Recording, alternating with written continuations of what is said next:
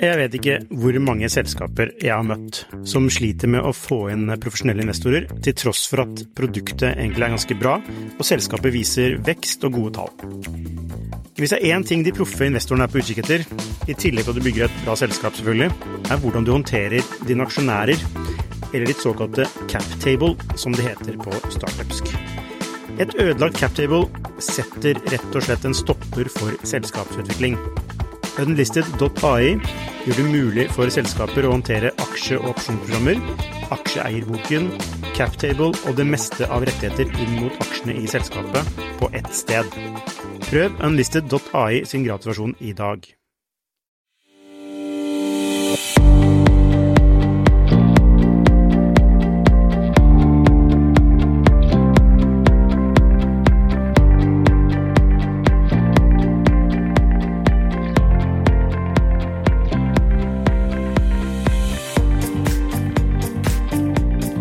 Hei og velkommen til Skifters podkast. I dag skal vi snakke om beslutninger. Vi tar to millioner valg i løpet av livet. Tar du de rette valgene?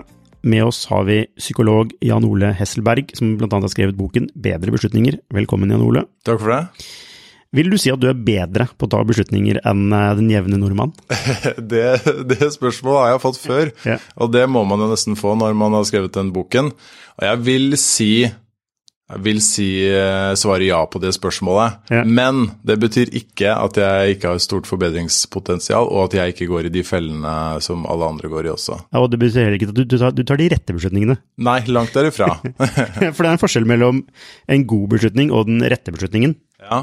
eh, Hva er forskjellen på det? Nei, altså en eh, beslutning kan, kan være god, eller en prosess. En beslutningsprosess kan være god uten at det nødvendigvis leder til et eh, godt resultat. Og det er eh, noe som eh, mange ikke tenker nok på, tror jeg. Vi, vi dømmer veldig ofte beslutningskvaliteten, altså kvaliteten på selve beslutningsprosessen, ut fra resultatet. Det høres logisk ut, men resultatet er bare en del av, av det det er å ta en god beslutning. Så du kan, du kan si at Messi skal ta, ta en straffe, og så bommer han, men det kan likevel være en god beslutning å la han ta den eh, straffen. Mm, ja, ikke sant. Ja, det er et veldig godt eksempel. Da. Har du brukt det eksempelet før? Ja, jeg brukte brukt eksempelet før, og også brukte et annet eksempel. Du kan dra til Vegas og ende opp med å vinne veldig mye penger på rulett, men det betyr ikke at det er en god eh, beslutning å satse hus og, hus og bil på, på rødt på ruletten. da. Altså, jeg har faktisk vært i Vegas og vant eh, 300 dollar på rulett. Jeg var veldig fornøyd med det etter en kveld. Eh, og da tenkte jeg at jeg faktisk var god på beslutninger. For, jeg, Ja. for jeg, liksom, jeg tenkte sånn Jeg tar annenhver rød og svart på ruletten hele tiden. Men det er jo ikke god beslutning, det, er, kan jo bli grønn. Det kan bli grønn. Du har, det er en grunn til at de klarer å finansiere de hotellene der. Men det er jo en sånn typisk felle å gå i, at man tror man vet hva som fører til en beslutning, eh, er riktig. Mm. Um, det er jo ikke Altså, det er veldig lett å uh, i ettertid av en beslutning, uh, altså enten om den er rett eller gal, da, men uh, forstå beslutningen sånn Ja, det skjedde på grunn av dette. Ja. Sånne altså sannheter som egentlig ikke er nødvendigvis er fakta. Mm. Er det en Er det riktig? Ja, altså når, vi, når det skjer oss noe i livene våre, så, øh, og vi ser på tilbake, reflekterer over en beslutning vi har gjort, og sitter med resultatet klart, så, så forsøker vi veldig ofte å nøste i sammenhengene. Hvorfor ble det sånn som det ble? Eh, kanskje har du investert i en aksje som viser seg å gå ganske bra, og så, og så tenker du tilbake. Ja, nei, jeg så jo ikke sant, at den hadde beveget seg på denne måten rett før, og så et mønster, og så tenker du kanskje at det var det som gjorde at, at det måtte bli sånn, og at du tok en god beslutning pga. din analyse. Det vi glemmer, det er at det er et hav av ting som påvirker beslutningene våre. Eh, både også vurderingene våre i beslutningsøyeblikket, det er én ting, men også er det et hav av mulige påvirkningskrefter eh, etterpå, etter at vi har tatt beslutningen, som kan eh, påvirke ut, utfallet av beslutningen, som vi har null kontroll over. Eh, og de glemmer vi å ta med i beregningen. Vi klarer ikke å tenke eh, parallelle løp. Vi, vi klarer ikke å se for oss at det hendelsesforløpet kunne ha endt opp på en annen måte. Eh, og at, eh, at tilfeldighetene som er i spill, de, de glemmer vi å ta, ta hensyn til. Hva, hva, er et eksempel på det? Nei, for eksempel, da. Um, uh, la oss ta Steve Jobs. Lederlitteraturen er full av dette her, ikke sant. Uh, vi leser om hva var det Steve Jobs gjorde. Genial mann, ikke sant. Uh, så får vi lese at når du leser Walter Isaacsons bok om han, så ser, får du jo veldig godt fram hvor utrolig detaljorientert han er. Han blander seg inn i alt mulig rart og har sterke meninger om Eh, om alt fra designet utenpå produktene til til og med inni produktene. Mm. blander han seg inn i. Og da, eh, da, har jo det blitt trukket fram som en kvalitet ved, ved Steve Jobs som, som, kanskje man bør emulere, da. Andre, andre ledere bør se til. Ja, vær detaljorientert. Det vi glemmer, da, det er at vi har ikke oversikt over universet av ledere. Det kan være at eh, det å være detaljorientert faktisk er negativt. Og at uh, Steve Jobs kunne fungert enda bedre som leder hvis han hadde gitt fra seg litt mer kontroll. Mm. Uh, for vi vet ikke om alle de feilede lederne der ute, som kanskje også var detaljorienterte, Uh, og, og, det er en normal uh, feilslutning. Kan jeg legge til en ting der? fordi at uh, en ting, altså Detaljorientert er jo en egenskap ved Steve Jobs, mm. men det er jo ikke den egenskapen. Altså Han har jo sikkert han har jo mange, mange ja. egenskaper ja. ikke sant? som kan balansere ut den negative effekten av detaljorientert. La oss si da, hvis du er detaljorientert, men du er superdyktig på en eller annen ting, så er detaljorientering kan det være en positiv Altså en, en, rett, altså en sånn en retnings, en retningslinje eh, mm. uh, for altså, hva som er bra kvalitet, da. Uh, så, så det, den, det, Altså, uh, jeg har lest mange bøker, og det har mange andre også gjort, og jeg har snakket med mange smarte folk i denne podkasten her, og det som går igjen, er jo at man har en altså idé eller at man man setter beslutningen sin inn i en kontekst, inn i en sånn ram, kanskje gjerne rammeverk. Eh, og det som skiller de gode da, eh, fra de mindre gode i mine øyne, er at det å evne å se prinsippene bak. Altså det å forstå driverne. Mm. Eh, og faktisk forstå driverne. Fordi noen baserer seg på rammeverk, og så forstår de egentlig ikke driverne. Og så tenker de at, ram, at rammeverket er lik fakta. Men det er noen sånn grunnleggende drivere bak som man må forstå. Og det er, det er, ikke så mange som Det er ikke alltid alle gjør det. Nei. Men ikke sant, nå, da er jo du også inne på Du lager deg en teori om uh, hvordan disse driverne henger sammen og, uh, og påvirker hverandre. Ja. Jeg gikk i fella. Jeg sier ikke at det er en felle, men, men uh, jeg synes det, er to ting som uh, er fint med det resonnementet. For det første så peker du på interaksjoner. ikke sant? Du kan ha egenskapen detaljorientert, men den kan være negativ hvis du kombinerer den med noen egenskaper, eller den kan være ekstra positiv hvis du kombinerer den med andre egenskaper. Mm. Så, uh, så det blir komplekst med en gang. Dere hadde Ingar Strumke på, på podkasten her, eh, og, og, hun beskriver også det, ikke sant, hvordan de maskinlæringsmodellene eh, de sliter med en gang det blir veldig mange interaksjoner og det blir veldig kompliserte forhold. Og Det, det samme gjør vi når vi skal forsøke å se, se sammenhenger eh, da. Og det andre er jo at du, du med det resonnementet lager deg en egen teori om hvordan ting henger sammen. Den er kanskje litt mer kompleks uh, enn en de fleste andre, men samtidig så er den, den, er liksom, den er dømt til å ikke klare å fange opp kompleksiteten uansett. Mm. Det er så mye som påvirker deg. og Jeg synes Steve Jobs er et kjempegodt eksempel på det, fordi hans karriere kunne ha sluttet uh, etter, uh, etter at han fikk fyken fra Eh, fra Apple første gang. Mm.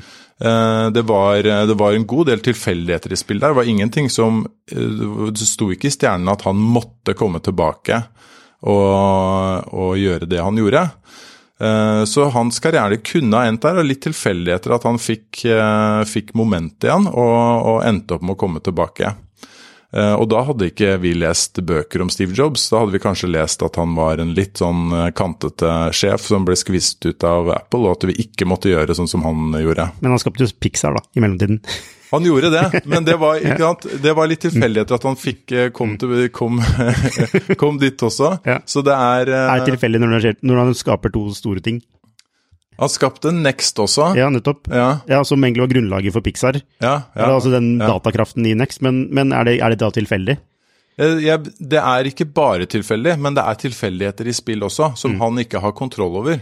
Eh, så ikke sant, han, han kunne ha blitt syk tidligere. Mm. Han, det, kunne være, det kunne være at han hadde at eh, han har blitt utsatt for noen oppkjøp som han ikke har helt kontroll over, ikke sant.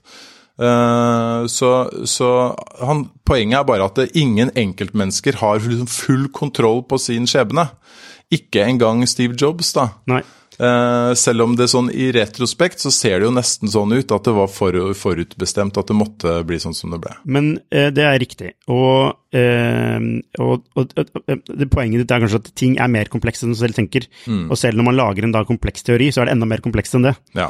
Eh, men samtidig, vi må jo, vi må jo ta en beslutning, ikke sant? Så vi, og vi, vi er jo mennesker, så vi må jo gjøre det såpass enkelt at vi klarer å ta en beslutning. Så forenkling er jo noe som nødvendigvis må skje.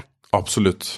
Eh, og da er det jo snakk om å ha så kanskje så bra, altså en forenkling som tar inn, altså som anerkjenner at det er komplekst og at det ikke er riktig, men samtidig tar inn over seg noe kompleksitet, da. Ja, det, det er den store kunsten å finne den balansen. Eh, og at man Ikke sant, når du skal nå, nå snakker vi om lederskap, da, men, eh, men la oss si at du skal legge en, eh, lage en playbook for din egen lederstil.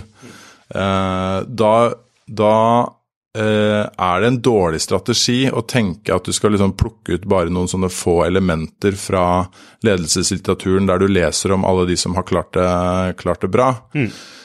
fordi det aldri vil danne et spesielt uh, godt bilde. Og så bør du legge inn usikkerhet i det. Ja. Uansett hvilke beslutninger du skal ta, så, så må du på en måte være god på å tolerere uh, usikkerhet. Du vet du kan ikke garantere for noe utfall. Uh, og det viser også forskningen at de beste, de som er best på å gjøre vurderinger og prediksjoner, det er de som tåler usikkerhet, de som er bastante og selvsikre i sine vurderinger. Det er de som bommer oftest. ja, men de får ofte en fart, da. De, får, de, får, de kan få fart, og de kan få med seg folk. Mm. Uh, de kan, bare, de kan bare skape seg De kan gjøre en dårlig beslutning til en bra beslutning. Fordi de skaper beslutningen, de skaper resultatet selv. Det kan skje noen ganger, men eh, det, det skjer også veldig ofte det motsatte. Og det vet du ikke, det vet du ikke på forhånd, da. Eh, Så, så det er nok av eksempler på, eh, på eh, historier der man har hatt de menneskene med de kvalitetene, og det har gått skikkelig på trynet. Byggingen av Panamakanalen er kanskje et av de liksom st virkelig store eksemplene på det, hvor tusenvis av mennesker endte opp med å dø. Og, og var helt hinsides. Og, Hva, hva skjedde der, egentlig? Eh, nei, det var, eh, det var en eh, franskmann som hadde vært med på byggingen av Suezkanalen, som, som gikk tålelig, tålelig bra, som hadde en ambisjon om å bygge, bygge kanalen da, gjennom Panama. Og skaffet enorme summer og fikk med seg stater på å finansiere dette. Jeg vet ikke hvor mange selskaper jeg har møtt som sliter med å få inn profesjonelle investorer, til tross for at produktet egentlig er ganske bra, og selskapet viser vekst og gode tall. Hvis det er én ting de proffe investorene er på utkikk etter, i tillegg til at du bygger et bra selskap selvfølgelig, er hvordan du håndterer dine aksjonærer, eller ditt såkalte cap table, som det heter på startupsk. Et ødelagt captable setter rett og slett en stopper for selskapsutvikling. Unlisted.ai gjør det mulig for selskaper å håndtere aksje- og opsjonsprogrammer, aksjeeierboken, captable og det meste av rettigheter inn mot aksjene i selskapet på ett sted. Prøv unlisted.ai sin gratisversjon i dag. Eh, men det endte jo i en, eh, i en egentlig en katastrofe til slutt. Og jeg tror vi alle har de bildene av de investorene som, eh, som klarer å dra med seg, eh, dra med seg mange eh, inn i eh, den sikre, sikre død til slutt, da. Han kom inn med sånne kanaler, det ordner jeg. Ja, dette fikser jeg, og vi må ha Og hans tanke var liksom vi må bare ha store nok ambisjoner, og så løser problemene seg etter hvert. Men eh, når du skal eh, fjerne Du skal grave deg gjennom et fjell på 300 meter for å komme til havnivå, så, så har du noen utfordringer som kanskje ikke funker. Og når det i tillegg er litt malaria og sånne ting, så, Jeg tenker jo igjen, Nå tenker jeg igjen på gründere, eller seriegründere, da. Som hadde flaks første gang. Ja. Men altså, det er ingen, ja, altså, ingen Altså, alle investorer elsker seriegründere. Ja. Eller de elsker å investere, for det, de har de har gjort det før. Eh, og da er det sånn Da er risikoen redus, altså redusert, da. Um, men, eh, men det er ikke alle som egentlig har forstått hvor mye Altså, noen Ja, dette, nå, jeg, jeg, nå generaliserer jeg selvfølgelig, men, men det er noe med hvis man har lykkes med noe, så tenker man at man har skjønt noe. Mm, ja. Det er lett å gjøre det, ikke sant? Eh, altså, du bruker faktisk et resultat til å si noe om en, kall det prosess, men det kan du ikke gjøre det, nødvendigvis. Nei, det er ikke det eneste som betyr noe. Nei. Eh, og og, ja, så de tiltrekker seg mye kapital, og så altså kanskje mye mer enn det de egentlig fortjener. Eh, og så det, kan det gå gærent, fordi grunnen til at de lykkes med prosjektet, var at de var, det er timing, liksom. De var, de var tilfeldigvis med det rette produktet til riktig tid. Eh, mens andre, men så tenker de at de kan lage hva som helst, og så lager de noe som har dårlig timing, og da får de ikke den traction, og det går dårlig, da. Så det å forstå Altså, i hvert fall eh, Man forstår ikke 100 men det å ha en nysgjerrighet, tror jeg, Mm. rundt Altså alle forhold rundt, da, eh, kan være en god egenskap, kan det ikke? Ja, eh, det tenker jeg er helt essensielt. Og den du bruker jo nysgjerrighet. Det er jo også det som kjennetegner de som er gode på dette. At de er, de er undrende. ikke sant? Hvorfor ble det sånn som det ble? De, de, de ser ikke på sluttresultatet og tenker at eh, det betyr at alle handlingene på vei dit var gode. De begynner å granske det og sier kan det være andre forklaringsfaktorer her. Kan det være at eh, risikoen var kjempehøy f.eks., og det førte til et sånn fantastisk utfall, men at risikoen i utgangspunktet var uakseptabel. Eh, eh, og det å stille seg de kritiske Sel- Selv når du, rett, selv når du har på det du, du får et godt resultat. Ja, et eksempel på det da, som jeg tenker favner liksom begge sider av det. Dette fenomenet kalles jo survivorship bias da på fagspråket. ikke sant? At vi, har, vi, har, vi ser på overleverne uh, og, og trekker slutninger, og så glemmer vi alle de som har liksom, forsøkt det samme, men uh, ikke fikset det. For de forsvinner bare fra historiebøkene. Men noen favner jo begge sider. Ta Idar Vollvik f.eks. Genierklært etter eh, Chess-investeringen og driften av Chess. Etterpå så sitter han igjen med eh, over en milliard kroner som han skal investere i andre ting, og folk følger etter han, ikke sant. Eh, hav av mennesker som putter pengene der han putter pengene sine, som, for, som går eh, i dass etterpå. Eh, Da har du på en måte både den suksesshistorien, samme fyr, antageligvis tenker litt på samme måte, veldig risikovillig, investerer i høyrisikoprosjekter, som ender da opp med å gå, eh, gå dårlig eh, etterpå. Eh, Så det å bruke den første suksessen som, eh, som eneste, eneste kriterium for å følge etter, det er viste seg å være dårlig i det tilfellet, iallfall. Ja. Så øh, vi Ja, ok. Ja, nå, du snakker i boka om ulike beslutningstyper. Altså enten analytisk eller intuitiv. Hva ligger i det? Nei, altså vi, eh, det tror jeg vi alle kan se for oss. Blant, Hvis du ser for deg vennene dine, så merker du at de har litt ulik tilnærming til beslutninger. Uh, og uh, i faget så deler vi liksom hovedsakelig inn i da to stiler. Er en, den ene er analytisk, den andre er intuitiv. In, og de sammenfaller litt med det Daniel Kahneman beskriver når han snakker om de to systemene, altså måter å tenke på, system 1 og system 2. Et intuitivt system og et litt sånn eh, reflektivt, eh, analytisk system. Så eh, intuitiv beslutningsstil handler om at du følger følelsene dine, magefølelsen, intuisjonen, logisk nok, og liksom eh, kroppslige fornemmelser. Ikke sant? At du egentlig bare du tenker på hva du skal gjøre, og så kjenner du sånn gåsehud, og da liksom Ja, det er et tegn på at jeg skal, skal gjøre det. Ja. Impulsiv. Uh, mens analytisk, det er de som er sånn informasjonshungrige, samler mye informasjon, veier, eh, analyserer informasjonen og veier fordeler og ulemper mot hverandre. Er det, er det én bedre enn andre? De er ikke gjensidig utelukkende, så de er ikke de er, De er litt sånn som personlighetstrekk, at du kan, ha, du kan ha mye av begge og lite av begge, men det er nok en tendens til at vi har mer eller mindre av, eh, av det ene og det andre. Er det sånn at du har mer av det ene, så har du mindre av det andre? Eh, veldig ofte. Okay. Veldig ofte er det sånn, men de, du kan score høyt på begge deler fordi at du bruker det i litt ulike situasjoner. Men og spørsmålet er det bra eller dårlig, det er vel finnes ikke noe ordentlig godt svar på det. Det er egentlig bare litt sånn vi er skrudd sammen, men det er klart at når du skal ta viktige beslutninger hvor det er tilgjengelig informasjon og det er sammenheng mellom eh, hvor det er mulig å analysere seg fram til gode utfall, så er det jo et godt trekk å bruke litt grann tid på det, og ikke stole blindt på intuisjonen. Når skal du stole på intuisjonen, da?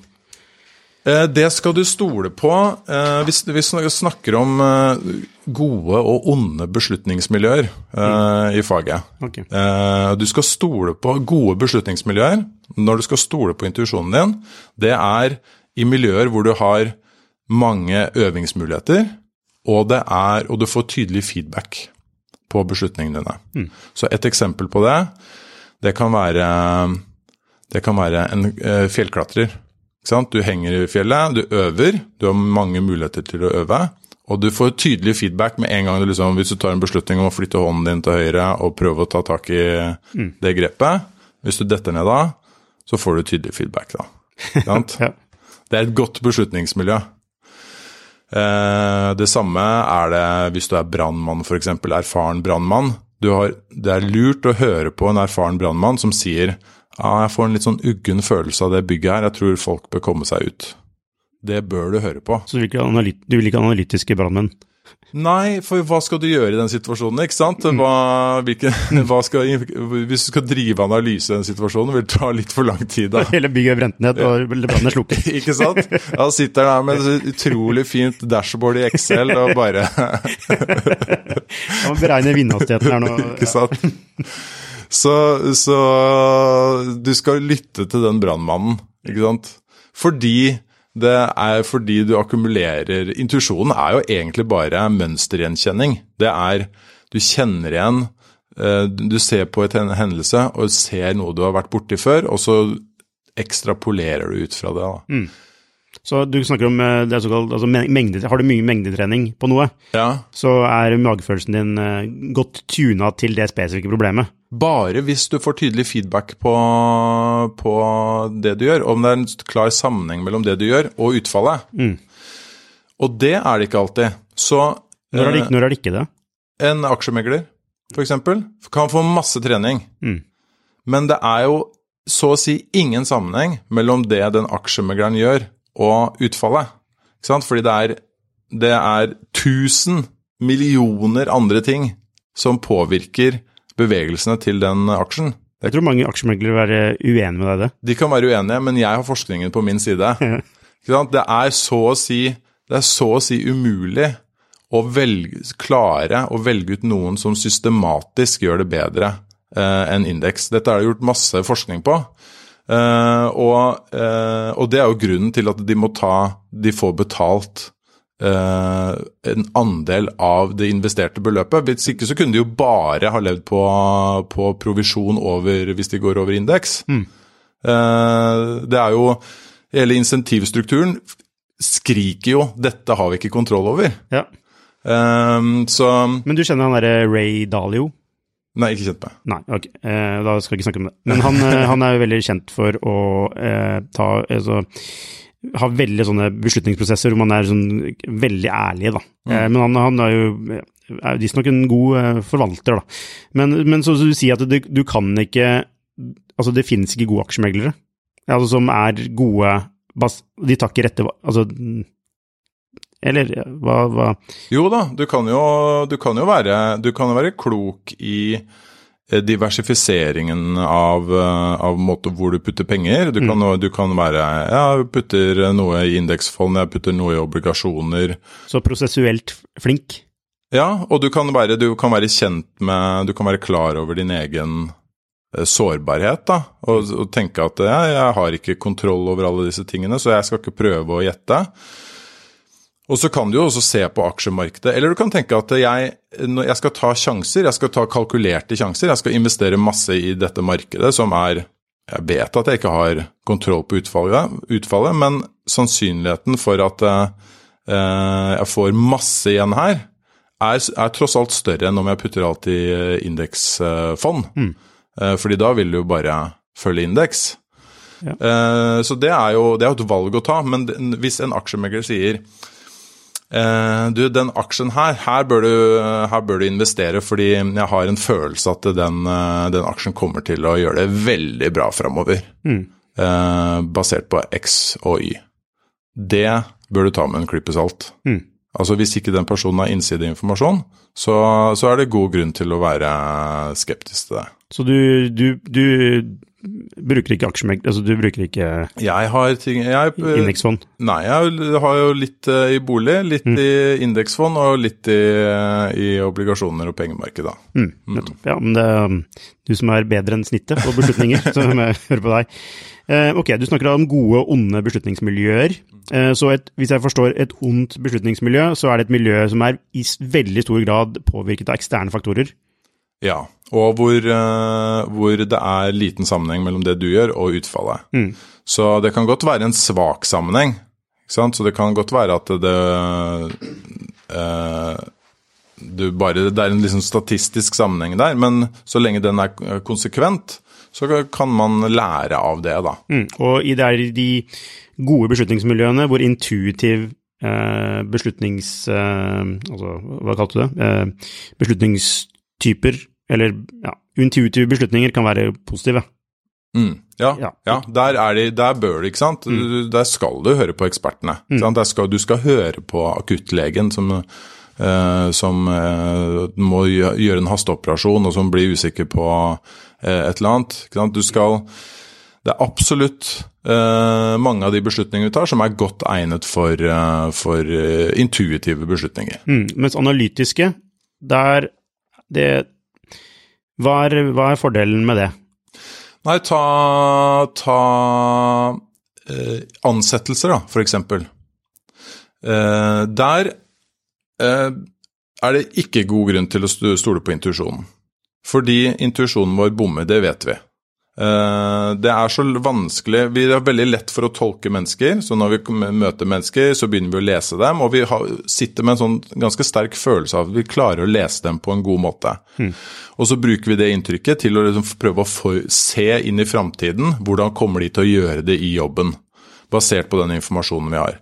Der viser det seg at vi bommer ganske grovt. Eller det er liten sammenheng mellom de tingene.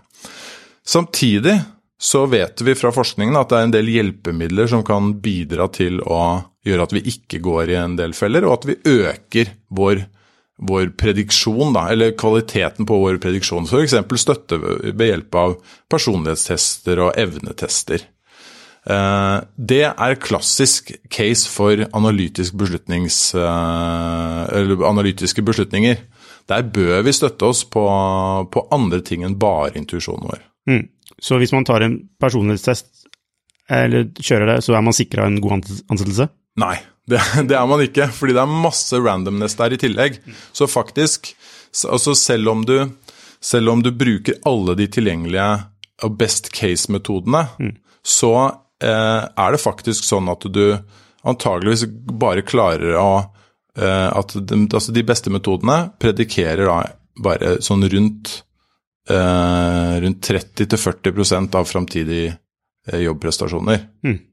Eh, og det er jo veldig lite, eh, med tanke på hvor mye innsats man legger i det. Og hva, hva, Hvilken verdi gir det da, hvis det likevel er random 50-50, altså det er under altså, altså, Hvis det likevel er random, hvorfor, hvorfor, hvorfor bruke det da? Det er, ikke, det er, ikke, det er overhodet ikke random, og, og, nå snakker vi om en sånn uh, forklart varians, da, eller liksom, hvor mye forklarer de, det beste opplegget av framtidig jobbprestasjon. Mm. Og det er jo mye bedre å eh, komme litt opp på det all, alle, Så langt du kommer opp på den skalaen som mulig, er jo gi en payout som er kjempegod. da. Mm. Hvis du bare baserer deg på intervju og magefølelse i intervjuet og semistrukturert intervju, så forklarer det kanskje eh, type 5 Mm. Uh, og med tanke på hvor enorm investering en, uh, en, ansettelse er, så er alt du kan få, er kjempebra. Ja, og ikke minst kosten ved feilansettelse. Eller, altså, kost, ja, altså, kosten ja, er enorm. Altså En ting er investeringer i lønn og sånn, eh, men sånn, hvis du da ikke, det ikke funker, så er det jo Altså, den kosten er jo mer enn én. Ja. Eh, fordi du bruker jo tid på det. Altså, resten av organisasjonen bruker jo tid på det. Ja. Den negative effekten av det. Jeg tror de aller fleste har vel opplevd eh, noen som ikke fungerer i den stillingen de, de har, og hvor enormt eh, det suger av krefter i en organisasjon. Eh, og det jeg bare tror ikke sant, Du spør ja, så, men da, så da er det random, da, hvis det, er, eh, hvis det forklarer rundt uh, 30-40 Eh, Det var sikkert et lurespørsmål. det var sikkert et lurespørsmål, Men akkurat det, sånn tenker mange. ikke sant? At det, å ja, så det, du får liksom, det forklarer ikke alt. Mm. Så da er det litt bortkasta. Ja. Men man må slutte å tenke i sånne todelte skalaer på disse tingene. Dårlig, god beslutning. Du kan ha, ikke sant Alt du klarer å gjøre litt bedre, er kjempeviktig eh, når det gjelder beslutninger, for vi tar så mange ekstremt viktige beslutninger at, at eh, det, er ikke, det er ikke aldri snakk om enten-eller. Men det er, vel, det er vel det. Det er jo enten en god eller dårlig beslutning, men så er det kanskje, det er kanskje en sånn en skala, da. Ja, det, det Fra er, god til dårlig med ti punkter, og så er det jo sånn ok, det er en treer, eller det er en syver. Men du vet aldri, ikke sant. I beslutningsøyeblikket så er det ikke enten-eller. Når du har fått svaret, så ble det det ene. Jo, nå, nå mener jeg ikke om det er en eh, rikt, altså riktig beslutning, men om det er en god beslutning, kan du vite, fordi hvis du har en prosess, om du har Ja, gjort, ja. eh, gjort tingene i henhold til prosessen, så vet du at det er, det er, dette er den beste beslutningen jeg kan ta med den informasjonen jeg har eh, på dette nåværende tidspunkt. Eh, og, men du, du vet det er ikke en riktig beslutning, men Nei, det er sånn, nei. hvis jeg følger denne metoden her 100 ganger, så vil jeg eh, ha flere gode beslutninger enn en som ikke gjør det, da. Ikke sant. Ja. Og du må til og med, må, vi må til og med liksom, vi må venne oss til å forsøke å se for oss litt parallelle univers, rett og slett. Vi må se for oss at det, du tar den samme beslutningen 100 ganger, på en måte. Du, du sitter i akkurat samme situasjon, med akkurat samme person, skal ansette akkurat samme person, og så ser du for deg at du gjør det 100 ganger. Og så ser du for deg ulike løp for den beslutningen. Og du kan se, ikke sant, I et, et tilfelle så kan det være den personen krasjer på sykkel og, og uh, slår hodet sitt og uh, faller helt ut av arbeidslivet. En annen sammenheng kan det være at den, uh, den personen gjør noe helt fantastisk i jobben og plutselig klatrer og erverver seg noen kunnskaper som du aldri ville ha gjort. Og så er det, noe, er det 98 andre hendelsesforløp uh, også. Så vi, Men vil ikke altså, en analytisk tilnærming forutsette perfekt informasjon? Eh, nei, det, det vil ikke. Det Perfekt informasjon, hva er egentlig det i de, eh, Nei, altså, de nå, sammenhengene? nå mener jeg ikke at det er perfekt informasjon, men altså, kvaliteten på informasjonen betyr jo veldig mye. Ja, Fordi at det er lett, og jeg tok en god, tok en god beslutning, eh, men så har, har har man kanskje ikke vurdert kvaliteten på informasjonen. Da. Man, altså, det er jo lett å bruke informasjon som en sånn hva heter Ja. måte, og så er det, måte, det er ikke reelt, liksom. Det er bare en sånn eh, Ja, men det er disse faktaene. Nei, det er ikke fakta, hvis du, altså, hvis du ser på det. Så den derre Er det ikke lett å gå i den fella? Du, liksom, altså, du bruker ikke nok tid på å eh, validere informasjonen, som er et Ja. grunnlag. det, det, det, har, det har du helt rett i. Uh, altså, informasjon er ikke bare informasjon. Den, eh, den, den kommer i kvalitetsgrader, den også. Og hvis du ikke er kritisk til den informasjonen du mater inn i den analysen din, så, så kan det fort gå galt av sted. Jeg har jo eh, jobbet en god del med helseinformasjon gjennom eh, programmet Folkeopplysningen. Eh, og, og det er et godt eksempel på hvordan folk kan ha en ganske sånn analytisk tilnærming, men likevel bruke informasjon som holder veldig lav kvalitet. da. Som for eksempel da. Nei, f.eks. supermat. da. Ja. Uh, Det er det mange som uh, sverger til, og så, finner, så henvises det til studier på noen mus, hvor man har gitt i disse, disse, denne maten, og så For de større muskler. Ja, så, får de kanskje, så får de kanskje større muskler, eller lever litt lenger, eller et eller annet. Og så, eh, og så er det kanskje aldri gjort noen studier på mennesker. Du har ikke noen god noe god forklaringsmodell på hvorfor det skulle fungere på mennesker på den måten. Et eksempel er antioksidanter. Det er jo noen vi trodde kom til å føre til at vi lever eh, mye lenger hvis vi dytter det i oss. Nå er det studier som kan tyde på at det er mye sånn tilskudd av antioksidanter og, og vitaminer og mineraler og sånn faktisk kan bidra til å forkorte, mm. eh, forkorte livet ditt. da. Så Eh, så det er ikke, ting er ikke så enkelt som, eh, som man alltid skal ha det til. Altså det, vurderingen av den informasjonen det er kanskje noe av det viktigste man driver med. Og i boken min så sier jeg litt om forskjell på forskning. da. Altså, jeg har et sånt evidenshierarki. Hvilken forskning skal vi stole mest på? Men på den annen side, altså du snakker om kompleksitet. Mm. Eh, men noen ganger så er jo det enkle, er ikke det enkle det, den enkle, er ikke en sånn prinsipp, den enkleste forklaringen ofte den riktige? Uh, Kanskje feil ja, Jeg vil si at det gjelder ikke her, men, men, men det kan I mange tilfeller så er enkle eh, enkle beslutningsalgoritmer likevel eh, det beste. Hmm. Det må du forklare. Ja, så, så eh, et eksempel er på Snakke litt om det i boken også, at når når du opererer i et miljø hvor det er enorm uforutsigbarhet, og hvor du har masse variabler som påvirker hverandre, som, eh, som interagerer og som er viktige for utfallet, så er det ofte mye bedre å stole på enkle algoritmer som bare tar hensyn til et par faktorer, enn å høre på eksperter.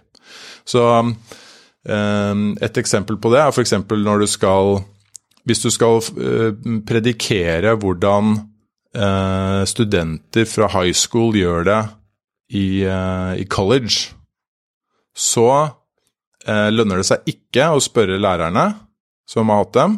Da bør du bare lage noen enkle algoritmer som tar hensyn til de karakterene de har fått, og, og bare beregner ut fra det hvordan det kommer til å gå mm. eh, framover. Det finnes flere sånne eksempler. Det skjønte jeg ikke. Altså ikke spørre lærerne? Ja. Hvorfor ikke spørre lærerne? Eh, fordi de, de tar, begynner å blande inn andre ting. Der er ikke intuisjonen god. Nei. Eh, så de, de, treffer ikke dårlig, men enkle algoritmer treffer bedre. Også hvis du skal vurdere om folk blir innlagt igjen i, eh, i psykisk helsevern, altså hvis du blir lagt inn i, pga. psykiske problemer, om du blir lagt inn igjen, ikke spør psykiateren eller psykologen, Eh, bruk heller enkle algoritmer som, eh, som bare tar utgangspunkt i f.eks. hvor syk du har vært, hvor lenge du var innlagt, om du har vært innlagt før f.eks. Eh, de er mer presise i å beregne det. For dette vet jo forsikringsselskapene sikkert? Ja, ikke sant. Det er jo et mm. klassisk eksempel på det. det de, de stoler jo veldig hardt på en del av de algoritmene, selv om de kan bære masse negativt med seg også. Ikke sant? De kan det, det, snakket dere kanskje litt om når dere snakket om maskinlæring. ikke sant? At man kan, det, man kan, fort kopiere en del av de tendensene, de problematiske tendensene vi har i våre vurderinger når man skal lage sånne eh, algoritmer. Mm, men er ikke det altså Jeg, i mitt enkle sinn, da, så er det det som Det er den beste sånn leveregelen. Bare du, du kan det er, Ting er for komplekst uansett. Ja. Så bare velg noen enkle parametere som du forholder deg til. Mm. Så det er liksom indeksfond. Det, det, slår eh, Altså, det slår eh, Vinner åtte av ti tilfeller mm. mot forvaltede fond. Ikke sant? Ja. Er, det ikke litt sånn? Jo, det er litt sånn. Og når det blir veldig komplekst, så, og du har, eh, du har gode data på det, så bør du gjøre det. Men veldig ofte så er det jo ikke sånn. Ikke sant?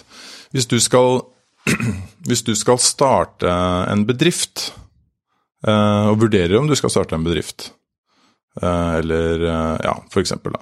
Så, eh, så har du ikke Du har jo ingen andre datapunkter på det. Du har ikke gjort det 100 ganger før. Så du må basere deg på noe mer enn det. Mm. Du har ikke noe algoritme å lage, på en måte. Så da, da, må du tenke litt annerledes om det, og du må bruke litt informasjon Hente inn litt informasjon, da. Ja, det er riktig. Samtidig så er det jo sånn at action betyr mye. Ja. Og bare gjør det, liksom. Det, det, er sånn, det, er en kraft i det som egentlig er sånn innenfor kanskje beslutningsteori helt gal, Mathias, men, men, sånn i det å bygge business, så bare liksom Ikke tenk, gjør. Ja øh, Jeg vil utfordre det litt, da. Jeg vil utfordre Det litt, for kan, det går an å kombinere de verdenene litt.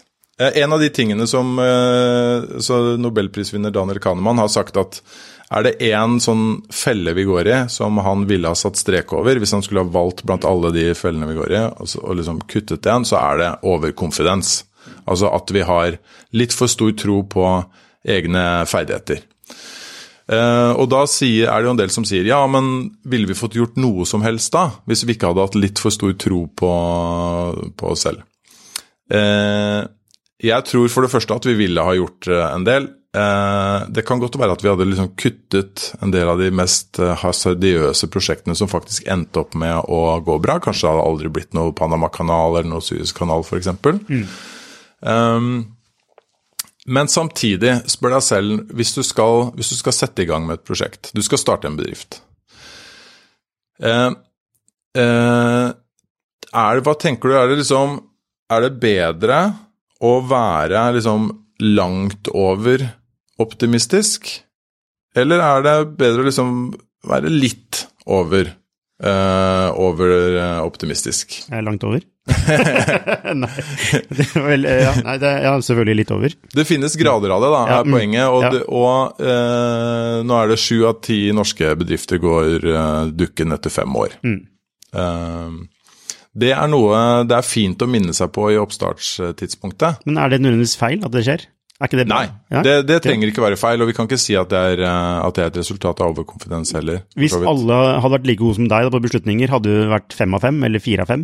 Nei, det er ikke, det er, det er ikke poenget. Men Nei, okay. Eh, det, bør være, det, bør være, en kalkulert risiko. da. Mm. Og når du spør de i oppstartstidspunktet, så tenker ikke folk, eh, folk det. Det er ikke Folk er ikke bevisst på Nei, at, det, at, det, kan gå galt i de tilfellene.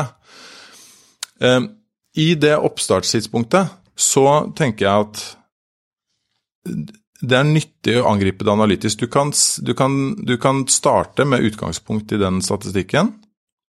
Og så bør du stille deg selv spørsmålet hva er det, Hvorfor er min posisjon annerledes?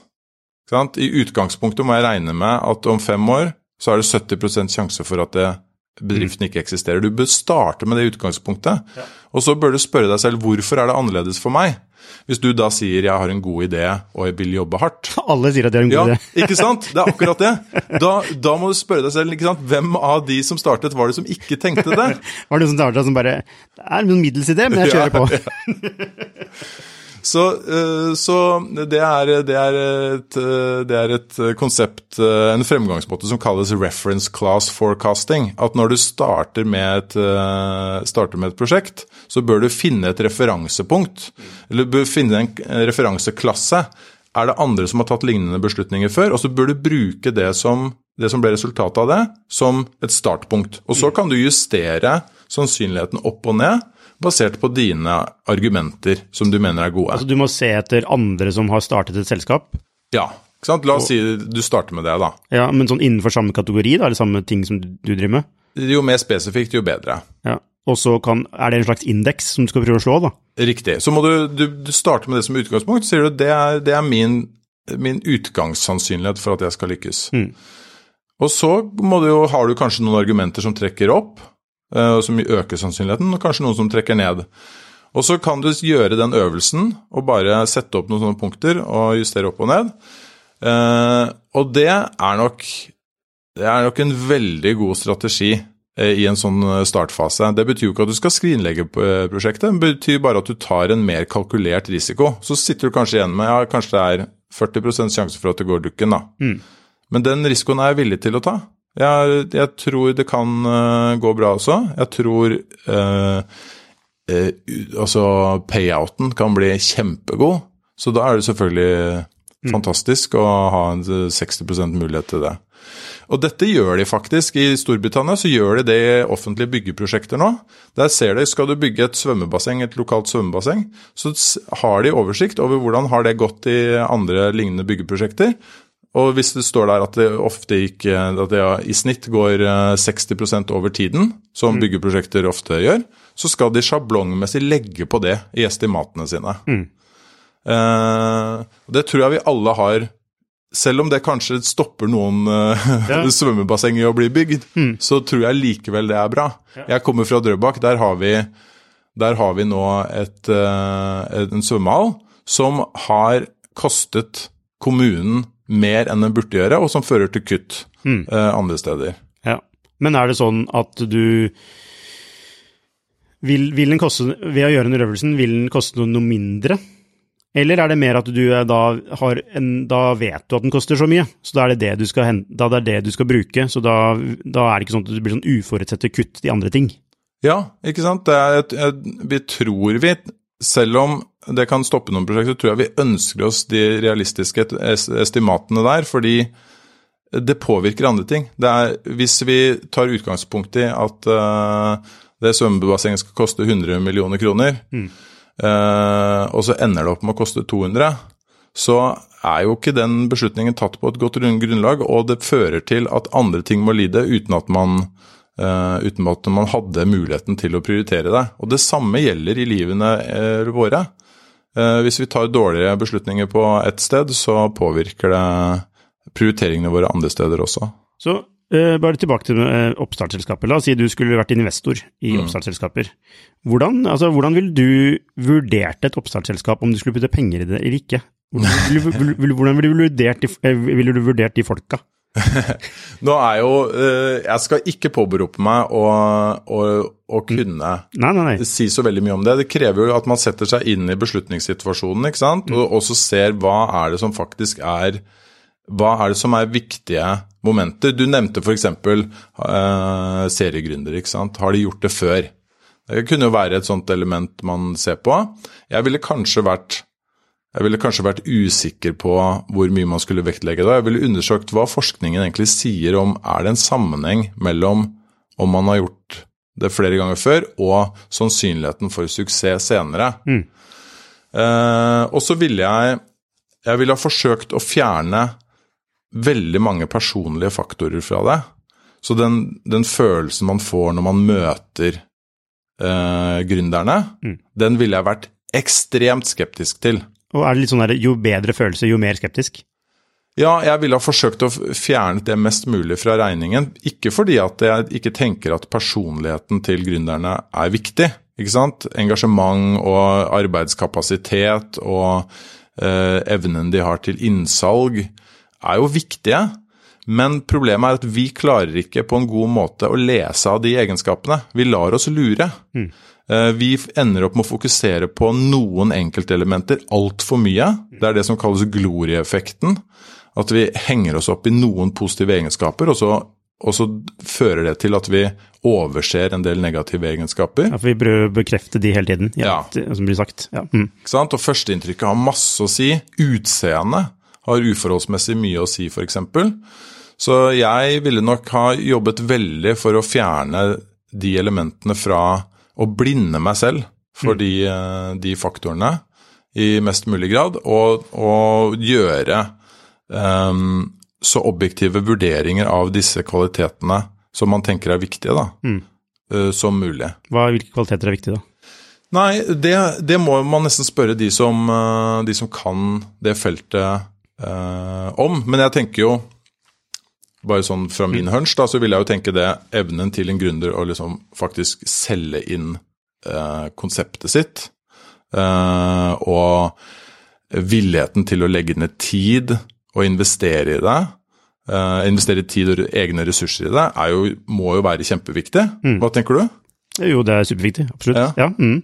Eh, Så da, eh, da er jo spørsmålet hvordan man skal klare å vurdere de tingene.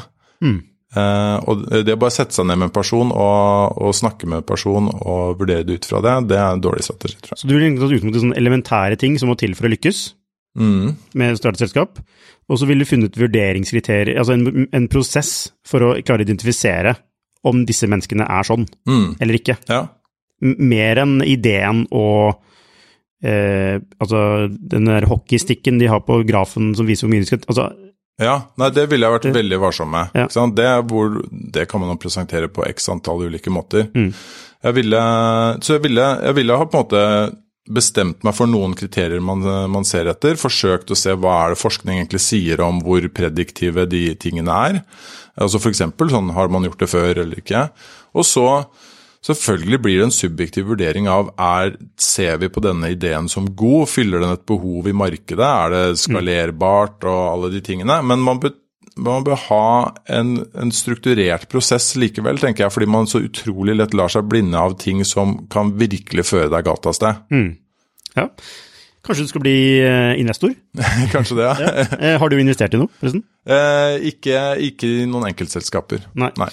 Eh, vi har snakket eh, litt om sånne tankefeller, mm. men hva er de liksom verste tankefellene? Altså sånn, liksom, du nevner mange tankefeller i boka di. Mm. Hva er den du tenker er sånn, eller de to-tre du mener er liksom de må være mest obs altså på? Det, den ene har vi vært inne på. Det er overkonfidens, eller selvsikkerhetsfellen, som jeg kaller det. ikke sant? At vi overvurderer Det er liten sammenheng mellom eh, graden av selvsikkerhet og presisjon. Eh, så det må vi klare å liksom koble de tingene litt fra hverandre. Eh, og så eh, er det det som kalles bekreftelsesfellen, som vi så vidt var innom her. At vi har en klar tendens til å til å bekrefte de antakelsene vi allerede har. Så hvis vi tenker liksom dette, dette tror jeg er en god investering, så kan du banne på at hjernen din soper inn informasjon som støtter det, og er flink til å ignorere ting som ikke støtter det. Hei sann, Lukas her. Neste episode med Jan Ole Hesselberg kommer neste uke, og da snakker vi om ulike tankefeller vi typisk går i når vi skal ta en beslutning. Da ses vi neste uke.